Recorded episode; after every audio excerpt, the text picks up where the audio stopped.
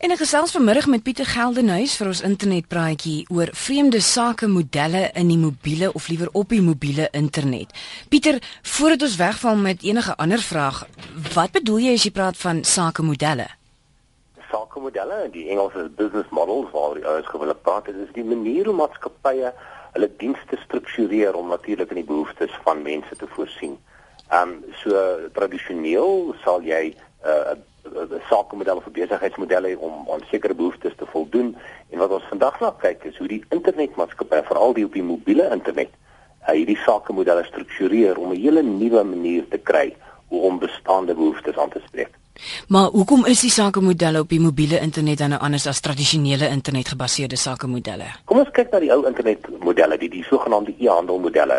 Die laaste 10, 15 jaar het ons daarna gekyk waar sê maar 'n e-handel boekwinkel heeltemal 'n ander manier het hoe hulle aan jou behoeftes voorsien hoe jy boeke lees. Tradisioneel het hulle eers gesê maar uh, gaan op die internet uh, kry 'n boek en dan stuur ons die boek vir jou.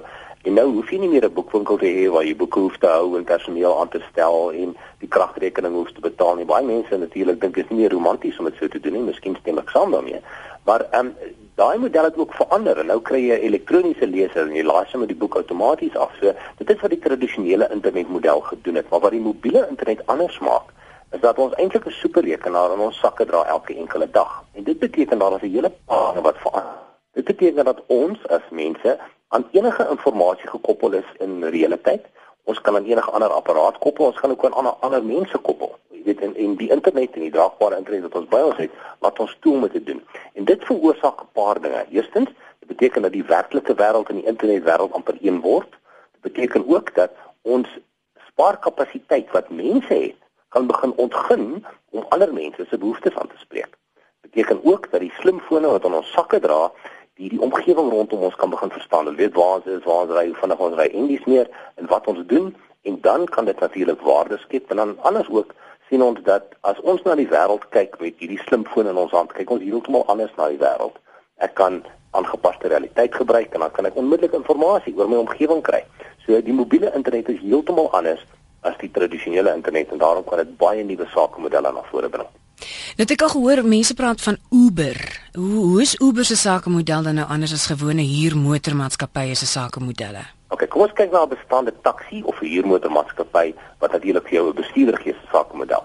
As jy huurmotormaatskappy is, dan koop jy klomp motors, jy, jy koop personeel wat jou uh, bedryf ondersteun, jy het uh, personeel wat die gebou wat die motors bestuur, jy kry geboue, ehm um, jy jy kry handelsmerk, jy skeduleer al jou aktiwiteite, jy spandeer baie geld om jou handelsmerk neer te sit. Jy moet behoort aan 'n paar maatskappye of of eksterne liggame wat natuurlik kyk of die kwaliteit wat jy aanbied genoegsaam is jy moet aan allerlei uh veiligheidswetgewing gee en dit kos alles geld.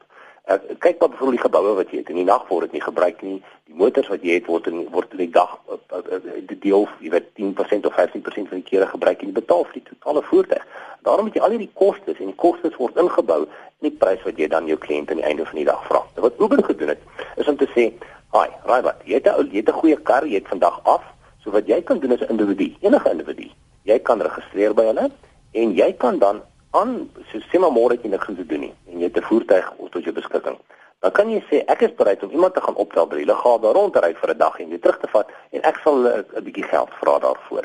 En dit beteken dat Uber dus die spaarkapasiteit van mense gebruik en die kapasiteit van 'n voertuig wat iemand het Um, en wat dan gebeur is iemand gee dan vir jou uh, 'n evaluering of jy betyds was en hoe jy gery het en as jy nie 'n baie goeie bestuurder was nie of jy was nie betyds nie dan gaan jy baie sukkel om iemand weer te kry want wat ons hier sien is dat deursigtigheid kwaliteit gee en dit beteken dat jy 'n baie laer prys kan vra vir hierdie diens as wat hierdie ander maatskappye het as gevolg van al die ongebruikte kapasiteit wat lê dit beteken dat uh, maak nie saak hoe laag hierdie bestaande maatskappye se prys gaan nie. Hulle gaan nooit so laag kan gaan as wat tradisionele gewone mense gaan vra om hierdie diens te lewer nie. Dis hoekom die hele Londen se taxi bestuurders gestaak het laasweek, want hulle wil nie Uber moet toegelaat word nie. En ons sien dis as een van die versteurende innoverings wat die wêreld verander. Interessant, baie interessant want ek het nou gehoor almal praat deesdae van die Uber. Maar kom ons kom nou by die uh, Amazon Fire selfoon wat nou tans in die nuus is. Hoe is die foon anders as ander fone en hoe sal jy die sake model beskryf? Foon se tegniese karakteristikke is nie eintlik anders as die ander se nie, maar daai twee dinge wat eintlik baie oulik is. Een is amper amper 'n foefie, maar miskien sal mense dit meer meer waarde daarin sien. Dit het 'n driedimensionele skerm. Dit het vier infrarooi kameras wat na jou gesig kyk. En as jy dan die die, uh, die posisie van jou gesig verander, dan is die beeld op die skerm altyd in drie dimensies. So dis 'n baie baie oulike skerm wat hulle gebou het. Wat die langtermynwaarde daarvan gaan wees, weet ek nie, want om uh, jou e-pos in drie dimensies te sien, is seker nie baie meer waardevol nie, maar dis oulik. Wat werklik die deurbraak is, is dat dit nie so seer die foon is wat die verskil is nie, maar hoe hierdie foon koppel aan hierdie uh, hipergekonnekteerde internet, veral Amazon se model. Hulle het 'n sogenaamde fire knoppie. Uh, hulle noem dit 'n fire knoppie, so ek gaan dit nie vertaal na 'n vuur knoppie nie. maar die oomblik as jy dit druk, dan herken jou foon iets soos meer as 100 miljoen dinge. So sê maar jy kyk na 'n TV-program, dan druk jy die knoppie onmiddellik sal die foon die TV-program herken en vir jou vra of jy dit wil aflaai op die rekenaar of sê maar jy luister na 'n liedjie en dan druk jy die knoppie en onmiddellik sal hy die liedjie herken. Of as jy 'n foto van 'n boek neem, dan sal hy die boek herken of jy sê wil jy die boek aflaai. Of jy kan selfs 'n produk afneem en uh, dit sal dan op Amazon se model gaan kyk. O, dis die produk wat jy soek. Ek kan hom vir jou kry. So sê maar jy, jy stap by 'n plek verby en en jy, as wat as 'n nuwe winkel is nie en jy wonder, waar kan ek hierdie produk koop? Kan jy 'n foto van hom neem? En hierdie Amazon foon sal vir jou kan sê, "O, ons hom op Amazon druk jy knoppie en ek stuur hom vir jou in pos oor 2 dae." Hmm. So dit is die model. Die foon is nie eintlik 'n foon nie, dis 'n inkopies toestel. Ja, en nie meer nie meer sou vertel nie asseblief nie. Ja. maar daar is ook mos so 'n toepassing wat jy op ander fone kan aflaai wat jy ek weet Etienne het het het ehm um, daai toepassing op sy foon waar jy ons hou hom hier voor die rekenaar dan sê hy vir ons presies wat 'n liedjie speel en wie die kunstenaar is. Maar jy kom teen 10, 15, sê maar 100 van hierdie toepassings wat dit doen. Maar die Amazon foon eintlik anders maak, dit net 'n knoppie. Dis nie 'n toep wat jy of af te laai of wow. te maak of as jy musiek speel met jou aparte toep op maak, dis een knoppie. En daai een knoppie is dan intelligent genoeg om onmiddellik ja. te besef wat jy wat jy uh, bedoel. So hy's al ingebou in die foon in. Heeltemal reg. As hy. Nou die vreemdste sakemodel wat jy altyd gekom het op die mobiele internet? Kyk, ek het hierdie naweek, daar's 'n persoon met die naam Jerry Skerrit, hy uit uit die Dream Team ehm um, groep bou en hy vertel my toe van hierdie pact ehm um, toep wat hy afgelaai het op sy foon. En ek sê so om nou, nou verduidelik vir my wat hierdie pact ding doen. Hy sê wel, dis hoe dit werk. Jy gaan op die internet jy laai die pack uh, toep af en dan sê jy ek onderneem om 3 keer hierdie week na die gimnasium toe te gaan. En as ek dit nie doen nie, gaan ek 50 dollar betaal. nou, hou hou aan, hou aan. Dit raak beter. En dan sê jy as ek wel dit doen, dan kry ek inkomste van al die ander ouens wat dit nie gedoen het nie. Nou hy sê vir my hy sit hierdie aand hier op 'n Sondag aand, uh, kyk hy kaart blaas het lekker geëet en dan kom hy agter Hy was nog net twee keer by die gimnasium. En raai wat? Hy trek sy tekkies aan my gaan draf hier 9:00 die aand.